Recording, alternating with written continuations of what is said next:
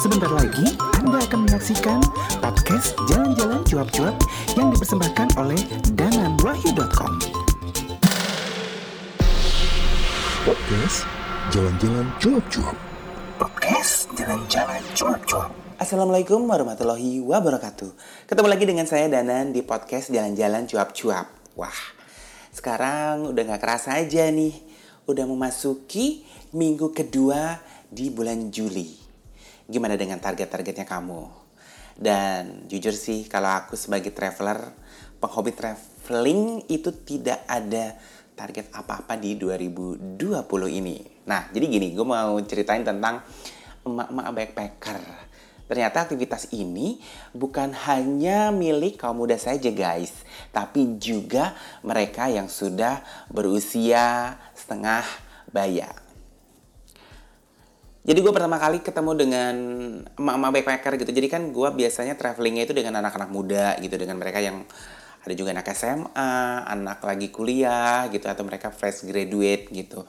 Dan gue di dalam cari teman traveling kan memang random banget gitu ya. Zaman dulu itu random banget. Jadi pindah aja dari satu komunitas ke komunitas yang lain. Nah tapi gue menemukan satu fenomena baru nih gitu di apa ya di dunia uh, traveling gitu. Jadi orang-orang tua gitu ya uh, sekarang lebih suka juga uh, menganut gaya jalan dengan backpacking gitu. Nah ini pertama kali gue ketemu dengan Mama Traveling gitu. Jadi ini adalah perjalanan gue ke Flores gitu ya. Jadi kan gue dapet grup jalan lagi tuh dan kita janjian waktu itu di Kupang. Nah gue ketemu dengan seorang emak-emak gitu ya yang waktu itu usianya 40-an lah dan hampir 50 itu Bu Herlina.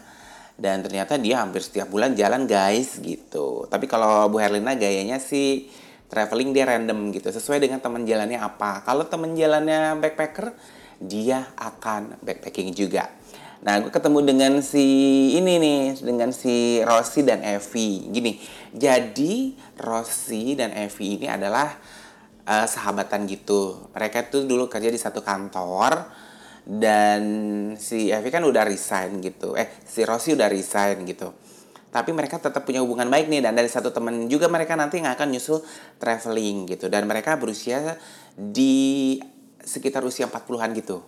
Nah, jadi mereka setiap dua tahun sekali ini kayak janjian buat melakukan perjalanan panjang sebagai bentuk me time gitu. Dan mereka ini udah keluarga gitu.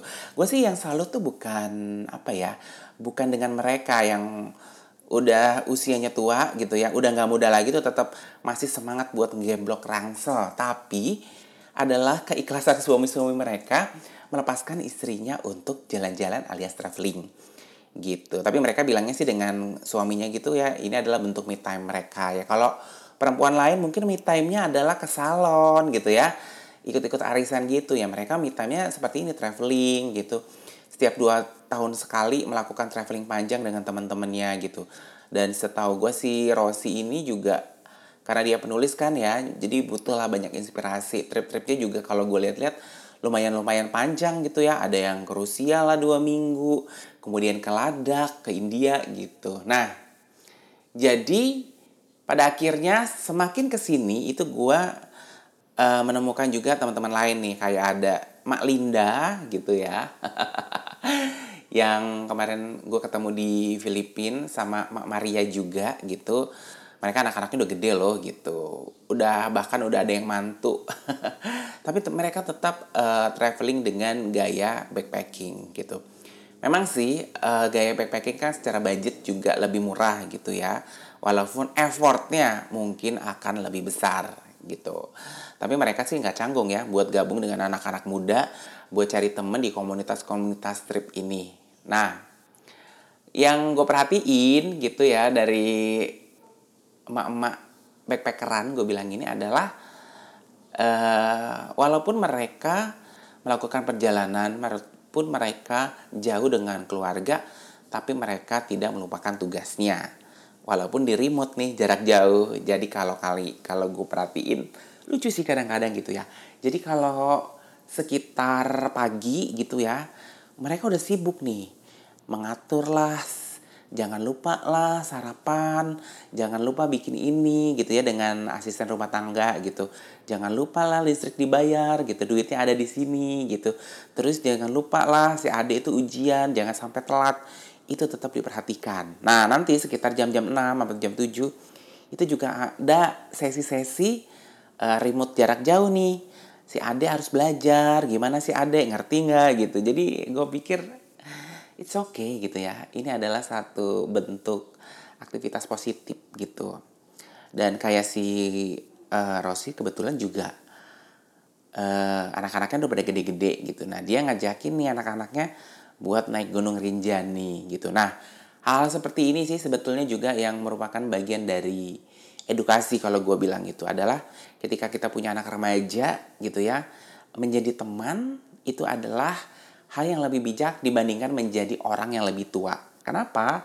Karena tuh mereka akan lebih terbuka dengan uh, orang tuanya ketika uh, formatnya adalah sejajar nih gitu, bukan hierarki yang beda gitu. Nah inilah mungkin pola pendidikan yang diterapkan oleh si teman-teman gue yang penghobi traveling ini gitu. Jadi mereka naik gunung bareng, traveling bareng gitu ya. Dan ini adalah proses uh, apa namanya relaksasi yang menyenangkan juga. Nah, jadi waktu itu kan uh, eh, gue bareng dengan ada temen nih, Bu Relina. Kita tuh ke Nepal gitu. Jadi sebenarnya salah satu destinasinya impian teman gue ini Bu Relina adalah Nepal gitu. Dan waktu itu belum kayak sekarang banyak banget namanya orang bikin open trip ataupun penerbangan ke sana gitu dia cari temen gak ada. Akhirnya gue jalan lah gitu. Kita backpacking sih berdua. Dia itu usianya udah almost 50-an gitu. Dan kan gue masih muda lah ya gitu. Dan dia nggak sungkan sih gitu. Tapi uh, lucunya gini. Jadi pas mau berangkat uh, dia bilang uh, nan uh, ketemu yang masih sama gue gitu ya gitu. Ya udah karena kita mau pergi berdua nih. Terus si suaminya bilang titip ya gitu. Jagalah ini sebagai seperti layaknya orang tua kamu gitu. Ya wis akhirnya kita traveling backpacking bareng tuh ke Nepal gitu. Gitu sih. Jadi kalau gue lihat emang agak-agak apa ya awalnya sih ya karena gue nggak tahu mungkin ya. Oh ada pengalaman seru lagi. Jadi ceritanya sebenarnya yang punya hobi traveling di kantor gue itu banyak gitu. Cuman mungkin keep silent aja lah ya gitu. Karena mungkin ya kan dunianya beda traveling dengan dunia pekerjaan gitu. Dan pada awalnya gue juga nggak mau jalan dengan teman kantor gue gitu. Karena memang beda style lah gitu. Karena mungkin mereka yang di zona nyaman gitu ya bisa travelingnya adalah dinas luar kota semua difasilitasi kantor gitu. Nah itulah. Biasa jalan enak sedangkan gue kan backpacking. Nah jadi gue pikir mereka nggak akan suka tapi one day itu ada kejadian lucu. Jadi kan gue gabung juga di satu forum komunitas uh, backpacking gitu ya. Dan cukup aktif lah gitu berbagi, membagikan link-link tulisan gue di sana gitu karena memang gue kan hobi menulis. Nah tiba-tiba gue dipanggil nih dengan salah satu manajer gitu, cewek, udah senior juga gitu, kayaknya juga hampir waktu itu hampir pensiun lah. Terus gue pikir ada apa ya, si ibu manggil gue, padahal pekerjaan kita itu nggak ada hubungannya nggak ada maksudnya beda lah gitu. Dia finance gue tuh teknikal gitu dan jauh banget gitu. Terus uh, ngobrol kamu hobi jalan ya nan? Oh iya. Aku bilang aku hobi traveling. Kenapa? Aku bilang dia bilang aku sering lihat tulisan kamu di forum ini gitu karena sebenarnya juga aku hobi jalan dan hobi backpacking. Oh aku baru tahu kalau si ibu ini hobi juga backpacking gitu dan sebenarnya uh, banyak sih keuntungan ketika jalan dengan emak-emak backpacker ini ya. Kalau gue sejujurnya gitu karena mereka kan secara umum sudah senior. Yang namanya asam garam kehidupan itu udah banyak banget gitu ya. Kadang itu kita masih berpikirnya tuh plan A atau B gitu. Mereka tuh udah sampai Z gitu. Jadi ada satu kejadian juga nih ketika Overland Flores. Waktu itu kan uh, kita ke salah satu air terjun kembar yang sebenarnya itu adalah destinasi yang jarang buat didatangkan orang. tapi gue nggak tahu ya kenapa kita tuh nekat datang ke sana jadi untuk uh, ke lokasinya itu pertama kita harus ke kampung ke desa yang itu ternyata aksesnya nggak gampang sampai mobil kita mogok dan kita harus ber, menginap di panti asuhan.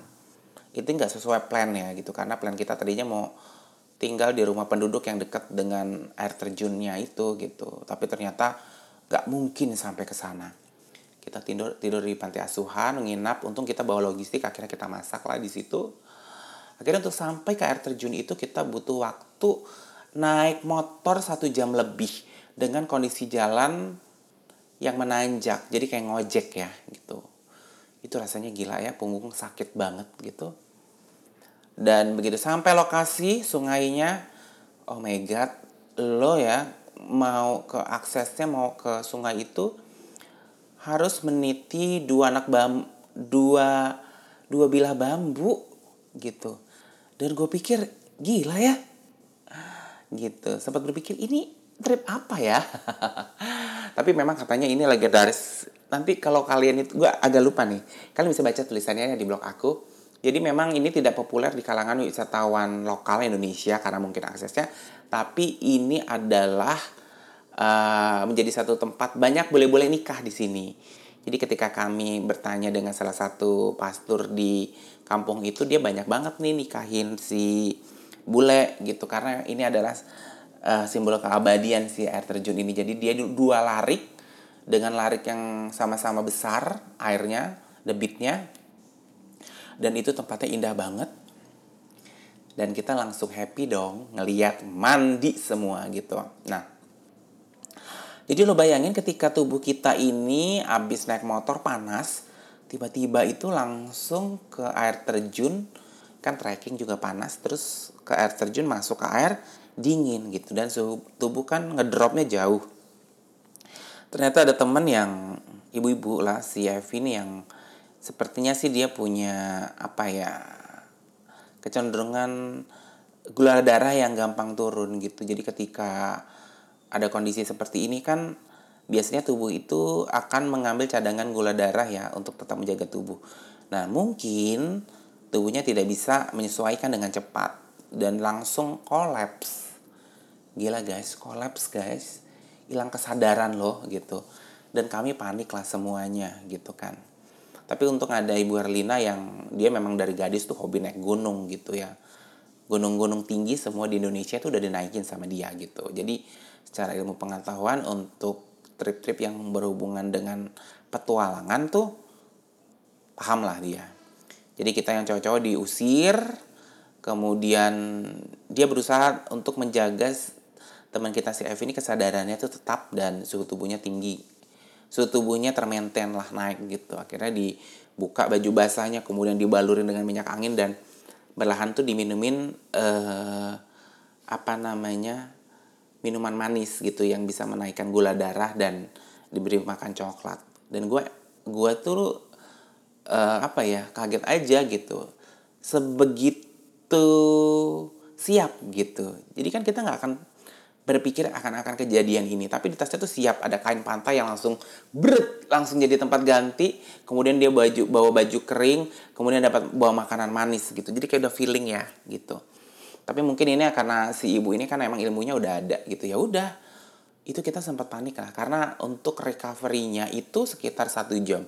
Dan gue ngebayangin seandainya teman kita ini hilang kesadaran evakuasinya susah banget gitu. Gimana lo ngelewatin dua bambu meniti dua bambu. Lo jalan kaki aja susah. Gimana lo bawa uh, orang lain gitu ya.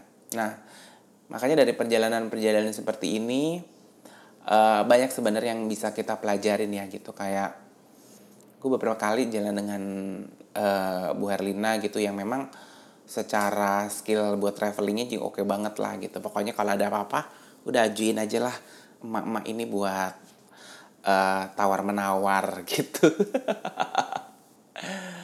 Dan kalau gue pikir sih traveling dengan mama skala schedule juga lebih fix ya. Maksudnya mereka kan adalah perempuan-perempuan ini jujur sih kita harus akui adalah mereka adalah makhluk-makhluk yang bisa multitasking gitu. Jadi mereka bisa ngambil keputusan yang tepat. Kemudian biasanya masalah schedule itu juga udah fix banget gitu ya udah oke okay, kalau kita nggak bisa lewatin ini plan A plan B-nya itu loh maka kita akan seperti ini gitu. Nah itu sih yang uh, menjadi salutnya gue kepada mereka ini.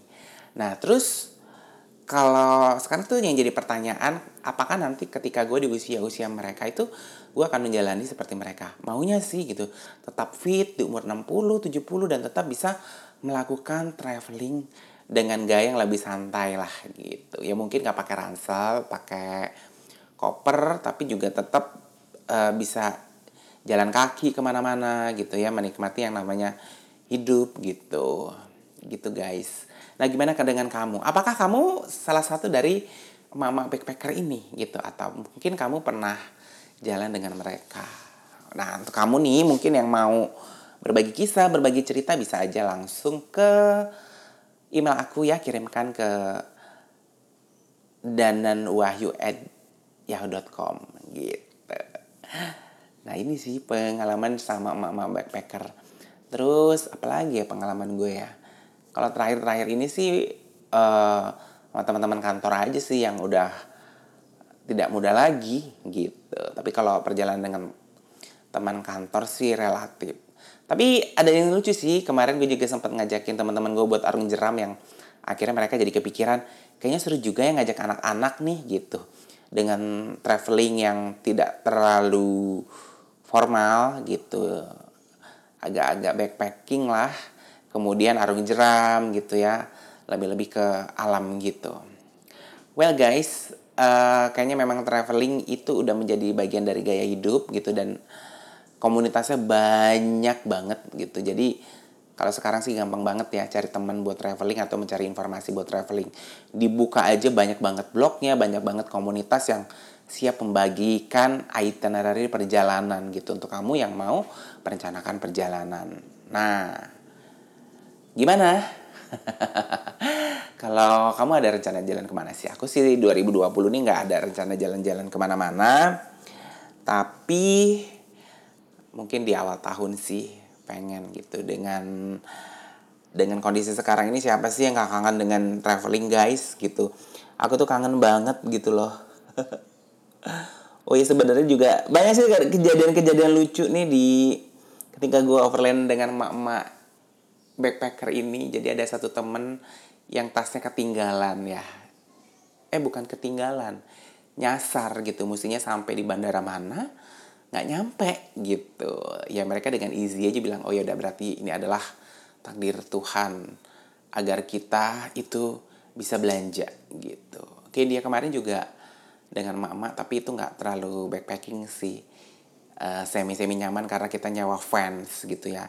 Nyawa kendaraan buat overland India walaupun nggak semuanya hanya seminggu di beberapa kota aja tapi ya seru lah gitu ya wis lah terima kasih ya atas kebersamaannya semoga ini bisa menginspirasi kamu semua. Dan kalau ada kata-kata yang kurang berkenan aku minta maaf. Dan akhir kata aku mengucapkan wassalamualaikum warahmatullahi wabarakatuh. Kamu punya masalah tapi tidak tahu ingin bercerita kepada siapa. Memang sih, bercerita tidak selalu menyelesaikan masalah, tapi setidaknya dengan bercerita kamu menjadi lega. Nah, untuk kamu yang ingin berbagi cerita, bisa mengirimkan ke email rintik titik hujan at gmail.com. Nama dan tempat kejadian pasti aku rahasiakan. Ditunggu ya. Podcast Rintik Titik Hujan dipersembahkan oleh dananwahyu.com.